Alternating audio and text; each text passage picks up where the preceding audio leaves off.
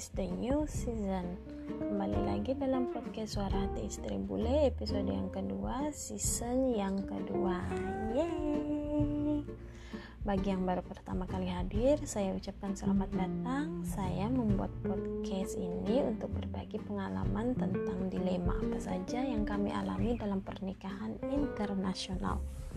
Jadi intinya sharing is caring mari kita sharing cantik. Dan bagi yang mau sharing lebih dalam teman-teman bisa curhat di Instagram saya Stevie Asisi atau kirimkan pesan suaranya ke aplikasi Anchor. Nah itu juga boleh ya nanti pasti saya akan balas.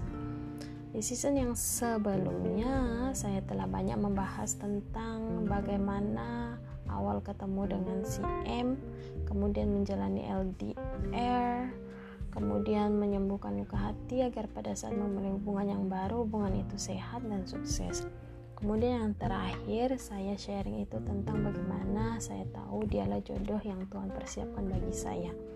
Oke buat teman-teman yang belum mendengarkan season sebelumnya silahkan teman-teman cek dulu ya. Oke yuk. Capcus langsung aja. Nah di season yang ini saya mau kasih judul culture shock atau uh, kaget budaya. Menikah dengan bule itu yang orang lihat adalah tinggal di rumah yang bagus, jalan pakai mobil, belanja-belanja, jalan-jalan terus, traveling terus. Nah, itu terlihat indah ya tentunya dan dijadikan highlight atau garis besar sebagian netizen. Saya tidak menyangkal sih itu salah. Saya tidak bilang itu juga salah itu benar tetapi itu hanyalah bagian dari pernikahan yang terlihat. Teman-teman tahu nggak sih sebenarnya menikah dengan bule itu challenging loh. Kamu dituntut untuk terus belajar. Saya kasih contoh ya yang paling mudah. Gini deh misalnya kita terbiasa untuk makan nasi di pagi hari siang dan malam. Nah pada saat menikah dengan orang bule kita itu dituntut untuk makan makanan yang berbeda makan makanan pokok yang berbeda atau makan apa saja yang berbeda. Tidak nasi gitu ya.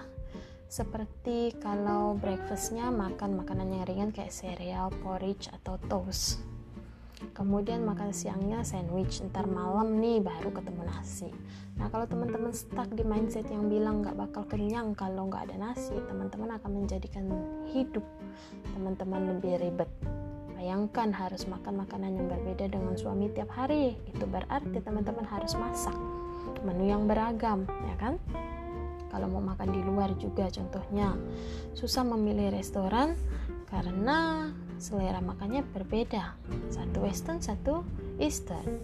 Di awal-awal pernikahan ya rada-rada gitu tapi ke sini ke sini udah nggak ngaruh lagi sih karena udah terbiasa dengan makanan pokok yang bervariasi kemudian misalnya lagi hal-hal um, sederhana dia itu selalu bilang yes thank you ataupun no thank you. Nah bagi kita orang Indonesia bukan kita orang Indonesia sorry bagi saya khususnya itu tidak terbiasa karena uh, saya tidak dibesarkan seperti itu. Jadi agak canggung gitu ya teman-teman. Kemudian yang selanjutnya dia itu tidak pemain sosial media. Berbanding terbalik dengan saya. Saya itu hampir kalau satu hari ada 24 jam. Teman-teman bisa bayangin ya berapa jam dihabiskan untuk bersosial media gitu ya. Walaupun nggak update-update amat cuman ya ngecek gitu.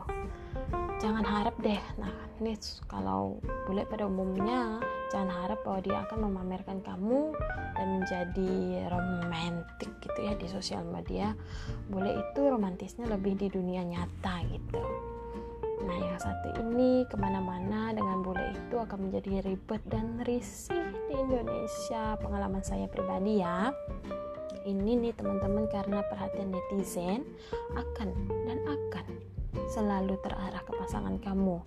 Akan ada banyak orang yang minta foto-foto di jalan kan akan ada banyak mata yang jadi seolah-olah kita tuh diawasi terus.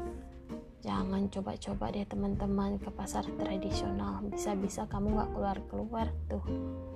Kenapa? Ya gitu deh ya. Teman-teman udah tahu sendiri yang sebenarnya udah waktunya pulang. Kamu akan terjebak di pasar tradisional berjam-jam kalau kamu nggak pandai-pandai ngindar.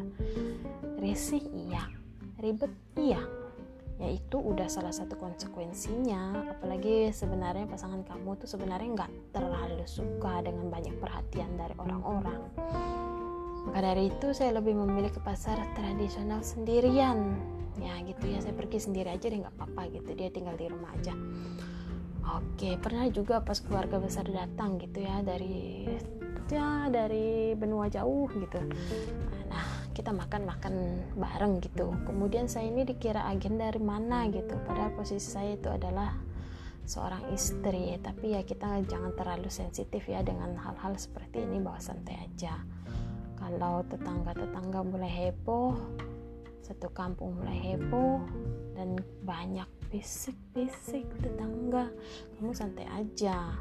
Karena kita sebagai manusia nggak bisa mengontrol yang orang lain kita nggak bisa mengontrol orang lain yang kita bisa kontrol itu adalah perasaan kita dan bagaimana cara kita merespon seperti itu teman-teman masih banyak lagi sih teman-teman tapi saya akan lanjutkan di part yang kedua ya jadi teman-teman jangan lupa untuk dengarkan part yang kedua minggu depan di setiap sorry setiap hari yang sama yaitu hari Jumat.